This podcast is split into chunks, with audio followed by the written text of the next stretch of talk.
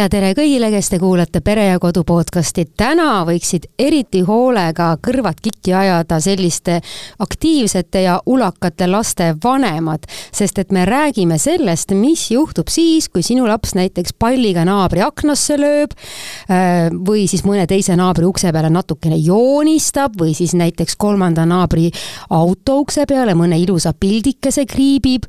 ehk siis räägime kodu vastutuskindlustusest ja mina ütlen kohe alustuseks ära, et mina näiteks ei tea, kas mul on kodu vastutuskindlustus ja mida see endaga kaasa toob, sellest nüüd juttu tulebki. pere ja Kodu podcasti külalisteks on täna Seesam kindlustuse tootejuht Dagmar Kilden ja BCU kindlustuse tootejuht Kristo Õunapuu. tere, Dagmar, tere, Kristo! tere! tervist! Tagar, Dagmar, ma kohe alustuseks küsin, et kas sinul on endal see kodu vastutuskindlustus olemas? jaa, no minul on see kindlasti olemas ja, ja ja ma näen, et see on ka väga oluline, et eriti võib-olla vaadates kohe esimese hoobiga, et siis korteris elavatel inimestel on see vajalik, aga samamoodi tegelikult ka inimestel, kes elavad eramajades. ja millele võib-olla tähelepanu pöörata, ongi see, et äh, kui te endale kodukindlustust valite, siis vaadake, et äh, nii-öelda, mis read siis seal pakkumisel kirjas on, kas on kindlustatud see ehitis ise, kas korter või eluhoone, kas on kindlustatud kodune vara ja siis kas on olemas vastutuskindlustus? ma kohe kujutan ette, et neid äh, tüüplepingutega inimesi, kes meid praegu kuulavad, on päris palju ja võib-olla nad kõik tormavad oma faile ja sahtleid avama, et kas mul ikka on see vastutuskindlustus, mis siis saab, kui mul läheb seal vannitoas mõni toru katki ja naaberkorter nagu üle saab ujutatud. Kristo, kas reeglina äh, nendes üldistes kindlustuslepingutes, mis äh, vormistatakse siis, kui sa näiteks ostad laenuga endale kodu, on see vastutuskindlustuse, kodu vastutuskindlustuse osa ka olemas või peab seda nagu kuidagi eraldi kokku leppima? kas mul endal praegu täitsa sügeleb, et ma ei tea, kas mul on või ei ole? no mm, tahaks loota, et kõigile lepingu sõlmijatele seda pakutakse, aga, aga näiteks ma saan tugineda enda statistikale, siis me näeme tegelikult, et et selliseid kliente on umbes veerand Eh, kellel seda kaitset ei ole valitud, kas see on siis teadmatusest, kas see on siis sellest, et soovitakse raha kokku hoida, võta nüüd kinni. Mm. -hmm, aga miks ta siis nagu, miks ta on nii oluline, ütleme, millistest äh, suuremat sorti jamadest võib pääseda, ehk siis milliseid õnnetusi võib-olla minu kodus või üldse kellegi kodus kõige tihemini võib juhtuda, mille puhul see kindlustuse leping tuleks siis nagu välja võtta? no me alustame sellest, mis kõige sagedamini juhtub, siis kindlasti kõige sagedamini on ikkagi neid veelekkeid, ehk siis seesama näide, et kui minu kodus on pesumasin ja pesumasina ühendusvoolik läheb katki ja vesi voolab, võib-olla ma olen ise ko-, näiteks tööl terve päeva ja vesi muudkui voolab ja voolab, eks ju, et siis tegelikult see jõuab ju naaberkorteriteni ka. ja sellise kahju eest tegelikult ka koduomanik vastutab. ja see on see põhjus, miks peab olema vastutuskindlustus. et sõltumata sellest, kas sul on olemas kindlustus või mitte, selle kulu peab koduomanik niikuinii katma. aga kui sul on olemas vastutuskindlustus, siis selle nii-öelda summa raha poole võtab enda kanda siis kindlustusselts mm. -hmm. no tõenäosus, et sellesama mainitud pesumasinaga see õnnetus võib juhtuda, on päris suur, ütleme, aga kui on inimesel suur pere, ehk siis see pesumasin huugab praktiliselt iga päev, sest need lasteaiakombekad on vaja sinna sisse visata ja kõik muu, ehk siis mina nüüd täpselt ei tea, kui vana see pesumasin mul on, aga millal ma peaksin hakkama kartma, et see õnnetus võib juhtuda, et mi-, miks seda nii tihti ette tuleb? no ma ütleks jällegi, et õnnetus ei hüüa tulles, et tegelikult äh, ei ole vahet nagu, et mis, mis hetkel seda karta, et igal juhul peaks vastutuskindlustuse tegema. eks see tõenäosus, et see õnnetus juhtub, äh, läheb üha suuremaks, mida kauem on mingisugust seadet kasutatud, eks ju, sest need asjad ajas väsivad ja, ja noh, selge soovitus on, et tasub äh, kontrollida nii-öelda oma, oma pesumasinaid, oma kraane, segisteid, et, äh, et see tõenäosus jah, ajas tegelikult kasvab, et see kahjujuhtum aset lõpuks leiab kas äh, Kristo, tehakse see kodukindlustuse vastutuskindlustus kuidagi nagu no automaatselt, kui ma teen selle lepingu või ma pean kuidagi nagu seda eraldi sõlmima? no ma tahaks uskuda, et ikkagi tehakse automaatselt pakkumine ja, ja siis kliendiga selgitada välja tema, tema vajadus, milline noh, näiteks alustame sellest, et kui ta elab korteris, mitmendal korrusel ta elab, kui palju on tema äh, kortereid allpool kas seal on, ehm, võib-olla ta teab, et naabritel on väga hea remont tehtud, kallis eh, kodutehnika ja väga kvaliteetsed materjalid. kui sul on rikkad naabrid, siis tee endale see suurem summa, mis korvatakse. Muidugi, sest äh, kui seal tõesti midagi nüüd juhtub, noh, kas või näitena see pesumasina näide, mis siin oli, siis taastamine võib minna väga kulukaks mul on nüüd kohe selline küsimus, et kui ma elan, ütleme, viiendal korrusel, kas minu vastutuskindlustuse see määr mis korvatakse, kui midagi juhtub, peaks olema suurem kui see sellisel juhul, kui ma elaksin nagu esimesel korrusel, kui ma ainult keldri äh, rikkumise eest vastutan? Ma siin selle koha peal ütleksin niimoodi, et viiendal korrusel loomulikult veeavarii puhul on tõesti see summa, summa peaks suurem olema. Aga esimesel korrusel, mis, mida tavaliselt tähelepanu ei pöörata, on sellele, et kui juhtub tulekahju esimesel korrusel, siis kuumus ah, siis see läheb alt ülespoole, see kahju? ja see tekitab omakorda kahju, nii et nii et tegelikult ka... ei ole vahet, kus sa elad, sa peaksid nagu ikkagi läbi mõtlema, et kui suured need kahjud võivad olla, mida sa võid oma naabritele tekitada. jah hmm.. ma mõtlen, et kui see leping on nüüd tehtud mingisugune aeg tagasi no ma ei tea, millal keegi oma kodu ostis, kas kümme aastat tagasi, viisteist aastat tagasi, mina ostsin kaheksateist aastat tagasi ja kindlasti on mul seal lepingus mingisugused summad, mis siis hüvitatakse juhul, kui ma kellelegi teisele kahju tekitan. kas ma peaksin mõtlema selle peale, et elu on läinud nii palju kallimaks ja võib-olla need tollal kokku lepitud summad üldse ei katagi seda kahju, mis ma praegu võin kellelegi teadmatusest või omaenese lollusest tekitada jaa, kindlasti see on päris oluline teema, et äh, ajas on äh, kõik taastamismaksumused läinud nii palju kallimaks, pluss asjad on läinud kallimaks, et äh, see kindlustussumma tasuks kindlasti üle vaadata, ma usun, et päris paljud kindlustusandjad kindlasti ka soovitavad üle vaadata või siis võtavad neid miinimumsummasid nagu üldse ära pakkumisest, et lihtsalt, et utsitada seda klienti ka, sest ega kindlustusandjana meie ka ei taha seda olukorda, et kui tekib kahjujuhtum, siis kindlustussumma ei ole piisav. et samamoodi meie tahame seda, et saaks selle hüvitise makstud täpselt siis nii, nagu vaja on. et kindlasti jah, need summad tuleks üle vaadata, eriti neil, kes on juba mõnda aega tagasi lepingut teinud.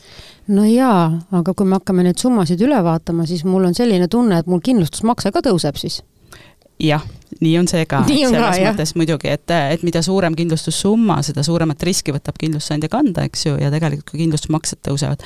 samas ma muidugi pean ütlema, et näiteks vastutuskindlustuse poole pealt äh, on ikkagi niimoodi, et äh, kuidas ma ütlen, nad ei tõusenud lineaarselt, et ma ei tea, kui ma võtan kahekordse kindlustussumma näiteks, et nüüd siis makse on ka kahekordne, eks ju, et tegelikult see päris nii ei ole. et seal on natuke sellist matemaatikat äh, taustas.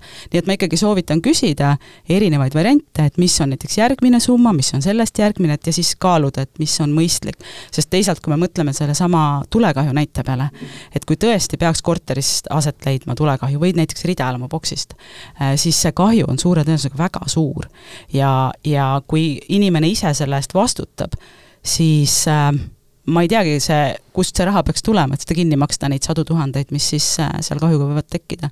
ja lihtsalt praegu minu niisugune viimase aja praktika kuidagi näitab, et ka korterites on väga palju tulekahjusid, et kui muidu me mõtleme automaatselt tulekahju, et maja põleb nagu või noh, et eramaja, siis tegelikult ka korterite tulekahjude osakaal on päris palju kasvanud. nii et äh,, nii et kindlasti need summad võiks üle vaadata. no kui kaugele see kodukindlustuse vastutuskindlu-, kindlustus noh, mõnes mõttes ka füüsiliselt nagu laieneb, et ütleme, kui suuri pahandusi võin ma ise või minu sõbrad või minu lapsed teha, et see veel saaks nagu korvatud, et kas ütleme, hoovi peal auto kriipimine või oma tõuksiga sinna otsa sõitmine käib ka selle alla või juhtus hoovi peal, see pole enam kindlustuse teema? Ei no ikka laieneb, et see laieneb tervele Eesti territooriumile et.... kodukindlustuse vastutuskindlustus laieneb tervele Eesti territooriumile. kas mul autokindlustust polegi vaja teha enam? no eks seal nüüd omad välistused, aga kui me räägime, et siis eraisiku vastutuskindlustusest, millega siis on kindlustatud ära kindlustusvõtja, tema pere ja tema ühise katuse all elavad isikud ja nende põhjustatud siis kahjud hüvitatakse, varakahjud just, hüvitatakse siis kolmandatele, ei, reisid ei hüvitata. kust maalt reis algab, riigipiiri ületamisest? Okei okay aga siis, kui ma lähen Pärnusse puhkusele, aga muidu elan Tallinnas. jaa, absoluutselt, seal võib ka kõike juhtuda. seal võib ka laps sõita rattaga kellegi teise autole otsa ja kas siis ka? jah. See, seda see... on väga hea teada, ma arvan, et nii nagu see tekitas minule praegu meeldiva üllatuse, võib see siis paljude kindlustuse võtjate jaoks või nende jaoks, kes kaaluvad alles seda, see teadmine on ju päris palju sellist turvatunnet pakkuv ma võib-olla siia juurde lisaks veel selle, et äh, päris, ma arvaks, et valdav enamus kindlustusandjaid pakuvadki tegelikult kahte varianti. üks on see, et sa saad osta kindlustuskaitse oma hallatava kinnisvara nii-öelda kinnisvarast tulenevate kahjude hüvitamiseks mm -hmm. ja teine on siis nii-öelda, nagu Kristo ütles, eraisiku vastutus ja see eraisiku vastutus üldjuhul ongi siis see, mis laieneb, on enamasti Eesti Vabariigi piires ja laieneb siis tõesti, ma ei tea, kui lähen Pärnusse spaasse ja laps sõidab tõukerattaga auto pihta kellelegi, et ja, siis hüvitatakse kahju. okei okay,, teeme siis nüüd, ma kontrollin üle, kas ma saan õigesti sellest aru, et kui ma ostan kodu ja ma teen kodukindlustuse, siis ma selle raames saan teha selle vastutuskindlustuse nendes nendel kahel moel, mis te praegu välja tõite. ma võin selle vastutuskindlustuse siis ka teha, kui mul ei ole oma kodu või mm.? põhimõtteliselt äh, ma arvan, et ükski kindlustusandja Eestis ei paku seda, aga tegelikult, et isegi kui sul üle, noh, põhimõte no ma elan näiteks üürikodus. Põhimõte, noh siis vanemate juures üürikodudele ma arvan, et ikkagi pakutakse, et lihtsalt see point ongi selles, et see peab olema seotud mingisuguse kinnisvaraga, eks ju, et mm -hmm. siis me mhm. paku, siis pakutakse seda kaitset. aga päris niimoodi, et ma tahaks üksinda eraldi ainult vastutuskindlustust osta. sa teeksid nagu iseendale kasko? just mm, -hmm. just, vot seda ei pakuta. aga see on nagu siit huvitav mõte inimestel no. juhtub igasugu asju elus. see ei ole nagu kasko, vaid pigem nagu liikluskindlustus aga ta võib-olla läheb otsapidi ka tervisekindlustuse alla mõnes mõttes juba nii ja naa. no see on pigem see, et kuna see kahju hüvitatakse alati kellelegi teisele, ehk siis mina põhjustan kolmandale isikule, eks ju. tervisekahju. jah, et noh no, no, siis jah. võiks mõelda jah, et kui ma, ma ei tea. aga noh, seal ei tohi olla tahtlus ja, ja kõik sellised muud asjad, mis ja, siis välistustena tulevad, et noh, kui sa kellelegi vastu hambaid annad, eks ju, noh et ja. siis see ei ole kasko. no et seda jah, sellist kaitset ennast ei no nüüd me jõudsime päris, päris kaugele sellest äh, koduga seotud vastutuskindlustusest, aga aga Kristo, too näiteks mõni, mõni tüüpiline juht, juhtum, eh, mille puhul oleks hea, kui oleks see vastutuskindlustus olemas? no üks niisugune, kui rääkida juhtumitest, alati inimesi huvitab sellised ehm, mingi lugu? Eh, erilised juhtumid ja, ja siis äh, meil oli eelmisel aastal üks juhtum selline, kus äh, kliendil samamoodi siis pesumasina voolik äh, lõhkes, aga erisuseks, eriliseks teeb selle asja see, et ta elas kahekümne teisel korrusel. ja tema oli siis tööl ja see vesi jõudis alla esimesele korrusele, kus asus hambaravikabinett nii et ma kujutan ette, et kui teie selle teate saite, siis süda põksus nii, et mis summa sealt tuleb? no alguses, kui see teade tuleb, me ei tea ju tegelikult kahju suurust, et see kõigepealt mm -hmm. tuleb välja selgitada, aga seal oli niimoodi, et sellest vastutuskindlustuse limiidist vist minu mäletamist mööda oli see viiskümmend tuhat, sellest jäi väheseks. mis siis selle sai? kahju, see jääb kliendi enda kanda nii et siit tegelikult ikkagi seesama, millest me saate alguses rääkisime, et mõtle järele, mitmendal korrusel sa elad, missugust kahju sa võid tekitada, kui rikkad on su naabrid ja ega sul ometi hambaarstikabinett pole esimesel korrusel? no vot, see, see ongi see, et inimesed paraku ei, ei mõtle, et eh, mis see kahju suurus või, või see mm, kahju olemus saab olema, et eh, nad noh, võtan selle väikse summa, minuga niikuinii midagi ei juhtu ja, ja küll see noh, siis tegeleme, kui, kui aset leiab midagi, eks ju aga, aga noh, praktika näitab jälle vastupidist, et, et siis ollakse tagatargemad, et, et no, tagantjärgi tarkus, see on ju täppisteadus. no vot noh, et aga see on kurb, et noh, me näeme enda praktikas ju seda, et kliendile, kui on noh, kas või väikse veekahju põhjustanud ja siis ütleb, et ütleme, et näed, et korteri taastamine naabril maksab kümme tuhat, aga sinul on vastutuskindlustuse limiit viis tuhat võetud, noh, et me saame hüvitada ainult viis tuhat, et ülejäänud jääb sinu enda kanda mm. -hmm. Dagmar, tuleb sul ka mõni lugu meelde, kus sa mõtlesid, et nii hea, et tal see kindlustus oli, eriti klient ise, või siis et nii halb, et seda ei olnud? Äh, ma arvan, et mul pigem kindlustussummade näide tuleb hästi meelde ja just, kui me tõime selle korruste näite siin, et tegelikult nagu me ütlesime, et ega me ju ei tea, millised on naabrite korterid ja see siseviimistlus, et et kui me oleme aastaid pakkunud miinimumsummana kümme tuhat eurot, ja klient oli selle kümme tuhat valinud, eks ju, siis äh, piisas ühest väikesest äh, veelekkest ja, ja see kakskümmend tuhat tuli nagu naksti täis, et ja oli ainult üks korter, mis sai kahjustada. siis äh, minu arust see oli hästi kõnekas näide, mida ma rääkisin ka meie oma müügiinimestele, et sa nagu ei taju seda, et noh, kui palju see ühe korteri taastamine siis maksta võib? no siit võib ju võib-olla iga koduomanik ise mõelda, et kui minu kodus ülemine naaber mind üle ujutaks, mis mu vannitoa remont maksma läheks no,? Või just. näiteks, kui see vesi jookseb mööda lagjasid ja seinu, et mis mu kogu korteri taastamine nagu maksma läheks, eks su naabril läheb sama palju, kui mitte rohkem no nii ta on jah, et selle, seda, seda kindlasti tasuks mõelda, võib-olla jah, läbi enda on isegi parem mõelda, et eriti need, kes teavad, et kui palju neil on maksnud mingi vannitoa tegemine või köögimööbli soetamine või midagi sellist, et kui sul on see üsna värske kogemus olemas, eks ju, siis on nagu eriti tasub mõelda, et ja. kui mul juba nii palju läks, et no miks see naaber peaks nagu väikesema summaga hakkama ja, saama. ja see on ka see koht võib-olla, kui, kui siis praegu näiteks meie kuulaja hakkab selle peale mõtlema, et mis minu elamise taastamine maksma läheks siis on, siis on ka vist aeg nagu vaadata, et milline mul see määr on, et kas, kas üldse ma suudan oma naabrile, eks ole, seda, seda summat nagu tagada jaa, seda kindlasti. kui tihti teil üldse ette tuleb seda, et inimene pöördub kindlustuse poole ja ta tegelikult ei teagi, mis tal seal lepingus kirjas on? et see mälu on ju tihtipeale päris lühike. see sõlmiti ju viisteist aastat tagasi näiteks no ütleme nii, et on kliente, kes on väga teadlikud, et teavad täpselt, mida nad on teinud, kuidas nad on teinud ja siis on kindlasti neid, kes äh, ei tea täpselt, et äh, kui me siia lihtsalt toome korraks selle kodukindlustuse nagu tervikuna sisse, siis väga tihti arvataksegi, et kui ma olen valinud endale kogu riskikindlustuse, et siis mul on kõik äh, kin-, nagu kindlustatud, eks ju, ja siis kahjuavaldusel tehaksegi avaldus ja, ja siis selgub, et tegelikult näiteks vastutuskindlustust ei ole. aga see noh, ma ütleks, et minu arust on aastatega see läinud ikkagi kogu aeg paremaks, et see kaetus läheb järjest paremaks, et juba et, et vaadatakse ikkagi üle, et kas mul on korter, kas mul on kodune vara, kas mul on vastutuskindlustus. nii et kui sa võtad kogu riskikindlustuse, siis see sõna kogu seal ees tekitab selle tunde, et ükskõik, mis riskid mul selle koduga seoses kunagi olla saavad, need on kõik kindlustatud, aga tegelikult see hõlmab ainult sinu enda kodu ja sinu enda kahjusid, et vastutuskindlustus on ikkagi see, mis puudutab nagu teisi inimesi. just. jah nii et äh, asi, asi, asi selge. millistele kahjudele see vastutuskindlustus üldse laieneb, et äh, kas see puudutab nüüd äh, kõiki kahjusid, mida sa võid oma näiteks kortermaja piires oma naabritele põhjustada või midagi on välistatud ka? no tahtlust, tahtlikult tekitatud kahjud, need kindlasti ei kuulu hüvitamisele, et muud sellised ootamatud et-, ettenägematud sündmused, mis siis on kas alguse saanud sinu siis kinnisasjast kuuluvad ikkagi hüvitamisele. kui äh, ma elan eramajas, siis kas mul on ka mõistlik teha vastutuskindlustus või ma ei tea, kui koer kedagi hammustab näiteks tänaval? jah äh,, kindlasti on mõistlik teha, et siis on, me räägime eraisiku vastutuskindlustusest ja ma just äh, praegu ise mõtlesin, et ma mäletan ühte juhtumit, kus, kus meil oligi nii, et koer sai aiast välja ja ründas äh, tänaval kõndinud inimest, et õnneks need vigastused ei olnud väga tõsised.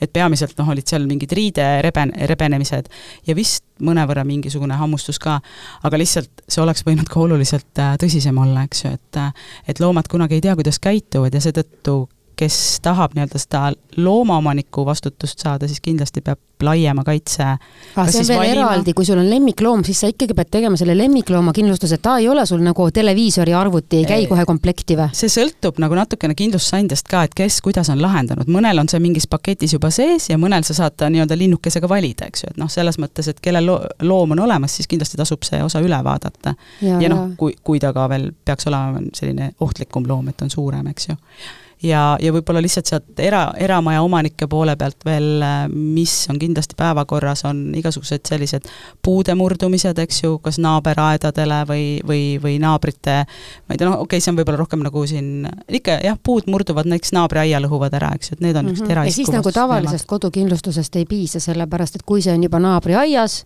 siis sealtmaalt sinu kodukindlustuse piir lõpeb.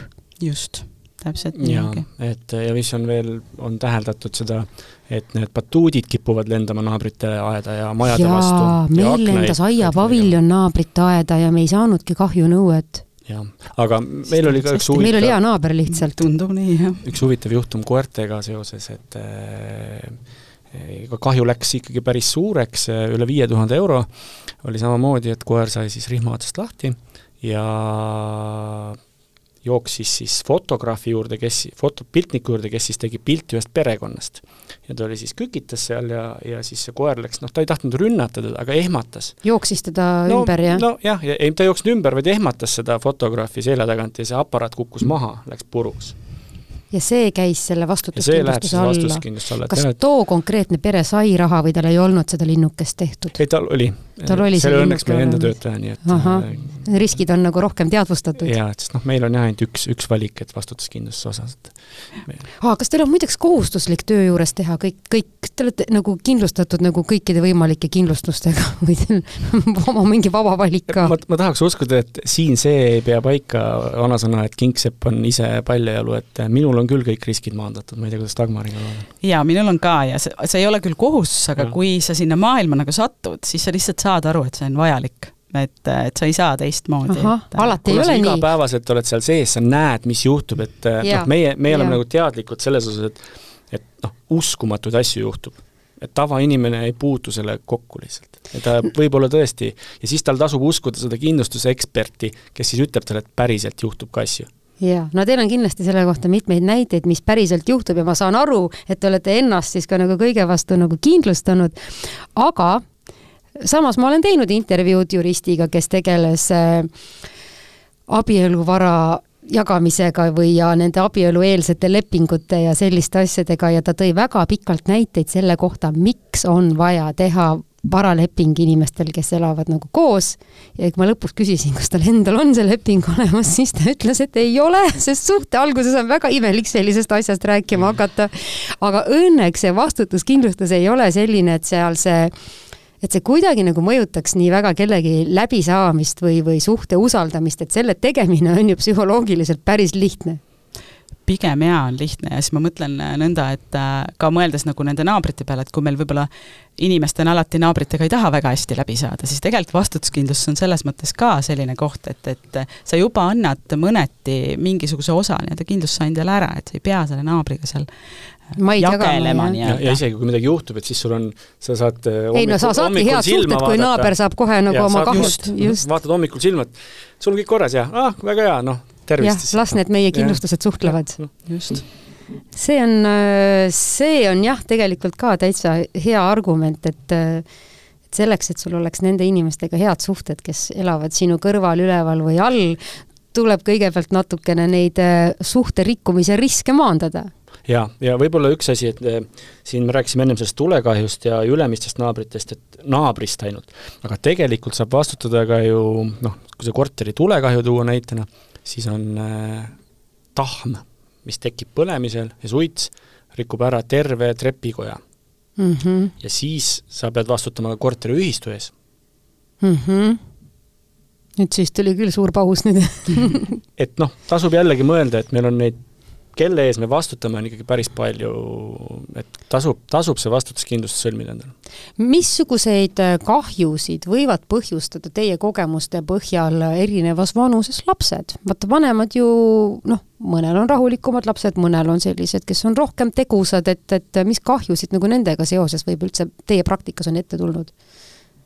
No meil kindlasti peamine teema on äh, tõukerattad ja jalgrattad, millega siis lapsed äh, noh, tavaliselt parkimisaladel või kuskil sõidavad ja siis kogemata riivavad naabrionu autot või või naabritädi autot, et ma arvan, et see on kõige levinum äh, kahju, aga ma mäletan oma kogemusest ka kahju, kus laps kiviga toksis vastu naabri autot, et selles mõttes lapsed on, on nagu nad on, nad toimetavad, nad ei ole ju pahatahtlikud, aga, aga noh, põnev on ju ka natukene, et, et sellised juhtumid kindlasti ka on eraisiku vastutuskindlustuses no üsna levinud tegelikult juba no,. minu jaoks on see natukene uudis, aga see on nagu väga meeldiv uudis, et see kodukindlustuse vastutuskindlustus tõesti laieneb ka hoovialal paikneva autoni või siis, et Eesti piires laieneb ka suvepuhkusel tehtava äh, kahjuni, mina näiteks ei olnud varem sellest äh, üldse mitte teadlikki.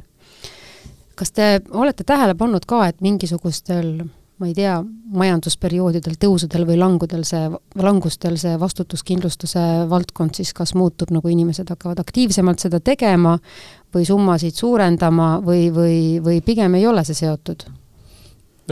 Pigem või vastutuskindlustusest ta vast ei ole seotud, et pigem on just nagu koduse vara osas on see seotus sellega majanduslangusega, et kahjusi hakkab rohkem tulema, inimesed üritavad siis kindlustusest raha kätte saada. et kui vastu... varem mõtled, et ma ei viitsigi üldse kindlustuse poole pöörduda, siis tegelikult majanduslanguse ajal, kui inimesel on raske, et siis ta pöördub igal juhul no pigem tõenäoliselt võib see nii olla, see sõltub jälle, et ma ütlen ka, et no mina on... küll ei ole alati pöördunud, kui mul läheb näiteks see keraamilise pliidi plaat katki, on ju, no selle hind on täpselt seal piiri peal, mis on noh, kui tavalisest kodukindlustusest mm -hmm. rääkida, eks ole. et ma nagu ei viitsi hakata kindlustuse poole üldse pöörduma, sest ma ostan lihtsalt uue ja ma eeldan, et see läheb enam-vähem, jääb sinna sama hinna sisse, on ju. noh, naabrite puhul võib samamoodi olla, et kui su laps lõhub midagi naabril ära, eks ole, et kui ta jääb sinna summa piiri sisse sinu arust, sa ei hakkagi kindlustusega jändama, et sa maksad selle ära, see on su oma vastutus võib-olla olla. ilmselt see sõltubki väga inimesest, eks ju, et kes kuidas käitub, ma arvan, et ma selle aga siis peal... ma arvan ka, et kui on majanduslikult raske aeg, siis sa ei taha nagu peale mingil juhul maksta, et no, siis sa ikka lähed kindlustuse poole. osa pead sa ikkagi ise no, oma vastutus oma is- siis, ja no. aga kui see on natukene kallim oma vastutusest, siis see on juba teema, siis sa ikka tahad, et kindlustus selle maksaks. võib-olla kui sul läheb majanduslikult paremini, sa ei viitsi. eks see on võib-olla see mingi niisugune käitumuslik uuring, et kuidas inimene hakkab sellel hetkel äh, toimetama, aga noh, see võib nii olla, ma ei saa nagu öelda, et mul oleks selline kogemus konkreetselt. nojah, sest et nad ju ei tule ja. kindlustusse, need, kes niisama ära maksavad. just, et selles mõttes ma pigem mulle tundub, noh küll jah, niisuguse majanduslanguse foonil on, on kindlasti vaadatakse võib-olla detailsemalt ja kui on võimalik vot ma ei oska öelda niimoodi, et mul praegu see kogemus puudub, aga kes teab. jaa, kui on see praegu ka, vaata, et natukene see jahtub, see kinnisvaraturg parasjagu ja kodu ostmise korral ka, et kui on selline majanduslangus, kuidas need inimesed või pered, kes kodu ostavad, et kuidas nad nagu käituvad, kas nad pigem äh, kindlustavad ennast nagu, nagu rohkem, et oleks nagu turvalisem, et kui midagi juhtub, et mul ei ole ju ometigi raha, et üleliigset, et siin iseennast nagu katta. või neil mõtlevad, et mul on niigi vähe raha, et ma ei viitsi hakata siin nüüd, ma ei tea, mis summasid maksma selle kindlustuse eest, et, et kumba pidi inimesed käituvad? mõlemat pidi et see ikkagi sõltub täpselt, kellel, mis varasem kogemus näiteks on, et noh, kuigi ongi, et kui see koduost on nii noh, nii piiri peal nagu noh, et, et see kõik, iga sent on nagu arvel, et tahaks uut mööblit ju ja, ja uut kööki ja uusi lampe veel seina ja ja see kõik tundub nii nagu huvitav, et siis see kindlustus on pigem nagu see, et tehke see, mis pank nõuab, see miinimum ainult mm -hmm. ja selleni ja siis selle uue pesumasina paigaldamise käigus asi juhtub? noh, näitena jah, et, et see, selline asi võib tõesti juhtuda, et pigem mina soovitaks, et jätke need äh, mõned muud kulutused tegemata, ükskord väljas söömata ja on, on hooletu see mm -hmm. kindlustuse pikaks ajaks. no jah, meil näiteks juhtuski ükskord niiviisi, et äh, me kolisime korterisse mm,, mitte midagi me seal ei teinud, mitte midagi seal ei juhtunud ja ometi vaene alumine naaber ütles, et temal juba vaikselt kaks nädalat tilgub. ja kus tilgub või mis tilgub, aru ei saa, aga noh, kõik loogilised järeldused viisid selleni, et see peab olema meie korteriga seotud. ja lõpuks tuligi välja, et äh, need, kes enne meid seal elasid äh,, olid lasknud teha remondi ja liistu panemisel oli üks nael lastud läbi veetoru. ja siis alguses ei juhtunud midagi, aga lõpuks oli see nael ära roostetanud ja siis see vesi hakkas sealt tilkuma.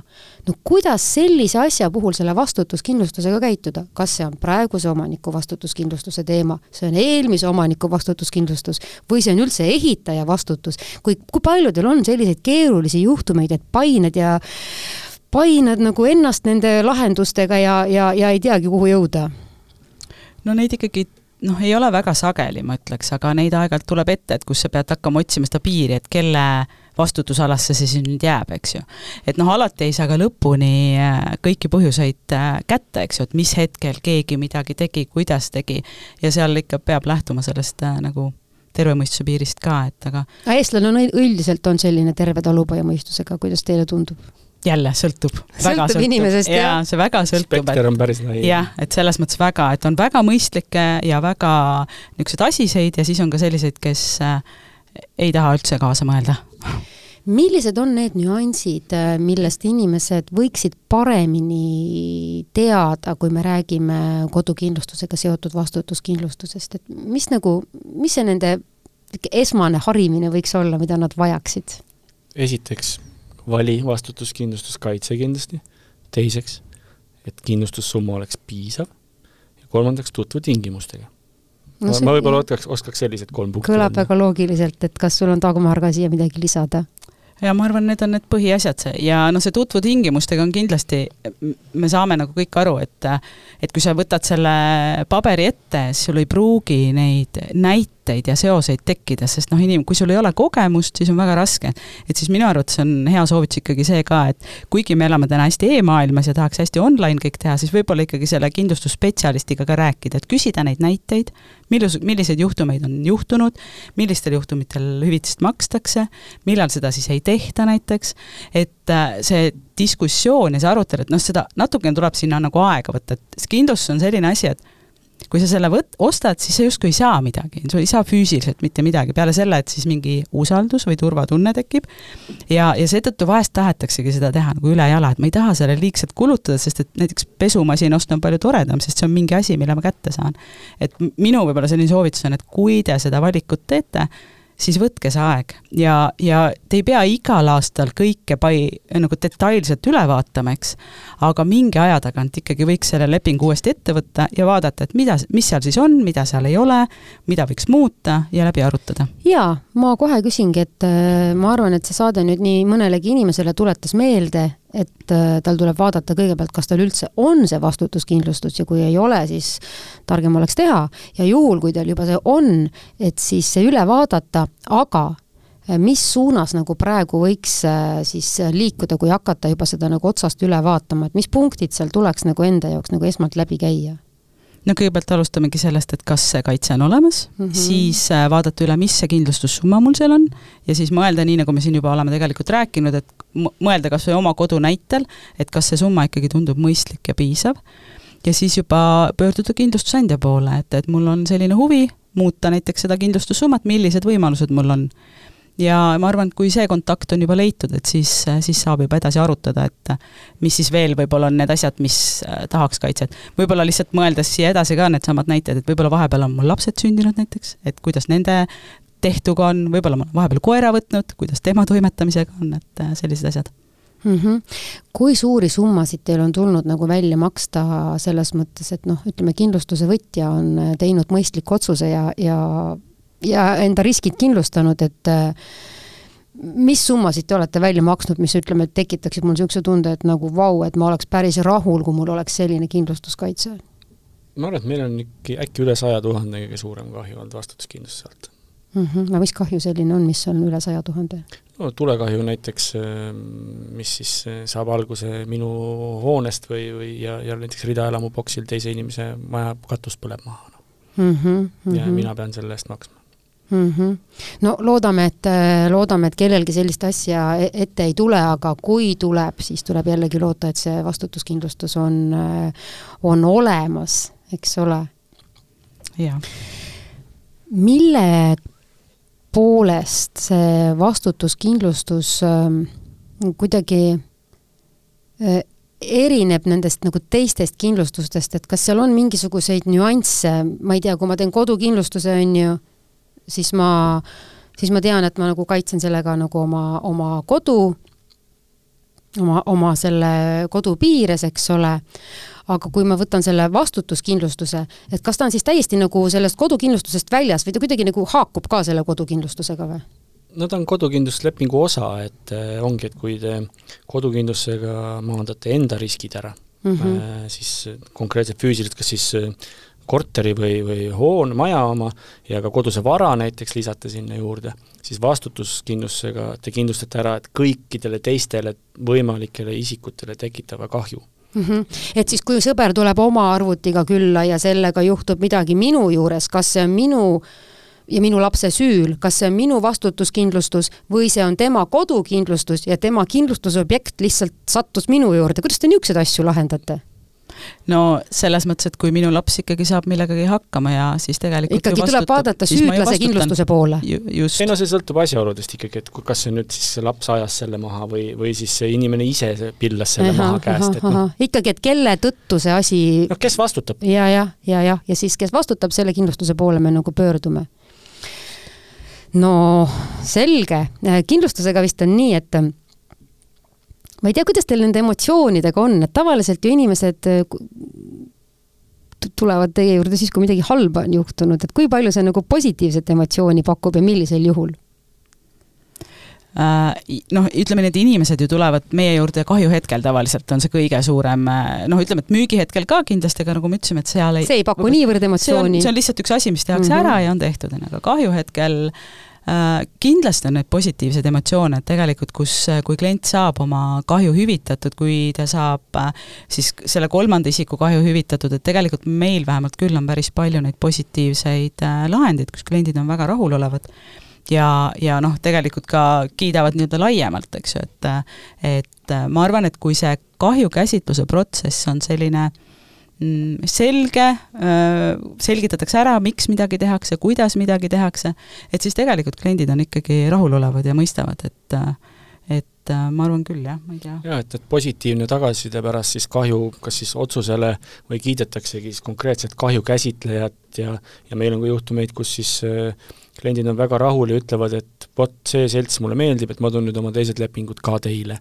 et noh, see on alati selline väga äh, sellise naeratuse toob näole selline lahendus mm. -hmm. ja eks see positiivne lahendus tuleb pigem siis, kui klient on oma lepingupunktid õigel ajal üle vaadanud ja ja õiged summad sinna, sinna kirja pannud, et mis vastavad nagu antud äh, hetke reaalsusele kindlasti jaa, et selles mõttes, et see koostööformaat nagu nii lepingu sõlmimisel kui ka kahjude käsitlemisel on hästi-hästi tähtis, et, et klient oleks avatud, meie oleme avatud, siis kindlasti see lahendus tuleb ka kiiremini. Ja noh, millele võib-olla ma tahaksin siin veel tähelepanu juhtida, ongi see, et kui ongi mingi kahjujuhtum ja ongi vaja midagi hüvitada, et siis eks meie kindlustusandjana sõltume ka lõpuks sellest, et kas on olemas ehitajad, millal nad midagi teha saavad, kas need materjalid on olemas, et võib-olla aeg-ajalt kliendid arvavad, et meil on kuskil taga on ladu ja siis me muudkui võtame sealt kõik need parketid ja asjad, aga et noh, tegelikult see päris nii ei ole, et selle kahjukäsitluse protsessis on päris mitu osapoolt, et äh, alati see kindlustusandja annab enda, endast parima, et kõik saaks tehtud võimalikult kiiresti, aga eks see sõltub ju ka ehitajatest näiteks. aga kuidas see hüvitamine üldiselt käib, et kas äh,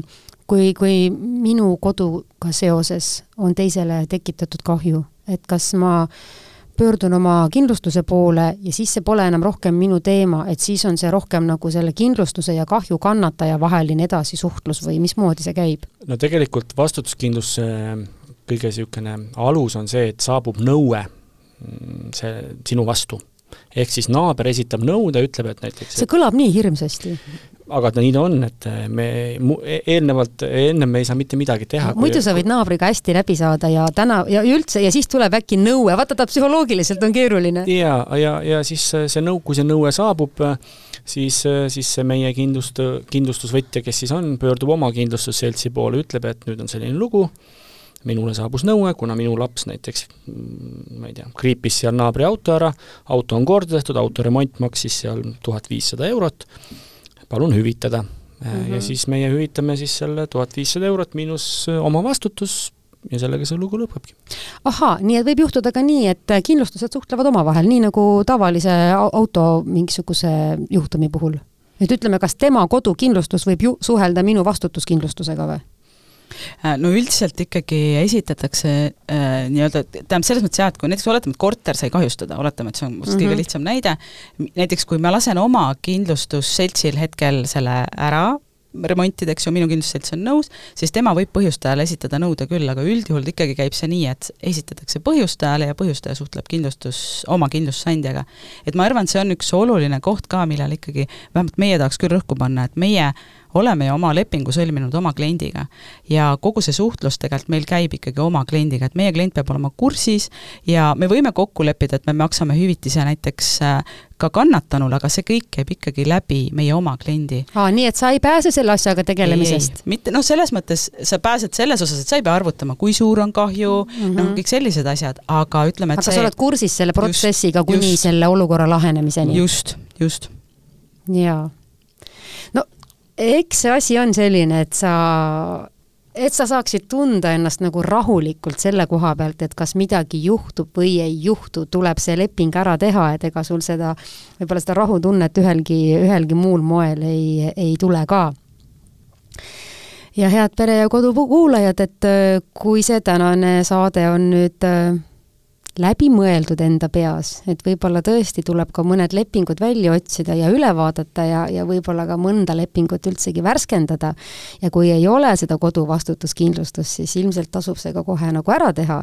igatahes mina nüüd küll lähen koju ja vaatan, et äh, milline see minu kindlustus on, sest et äh, mitte ei tahaks mõelda, et äh, minu vanad kümneid ja kümneid aastad äh, vanad õunapuud või ploomipuud võiksid naabri auto peale kukkuda ühel hetkel, aga torme meil sealt ette tuleb ja see, see tõesti võib juhtuda.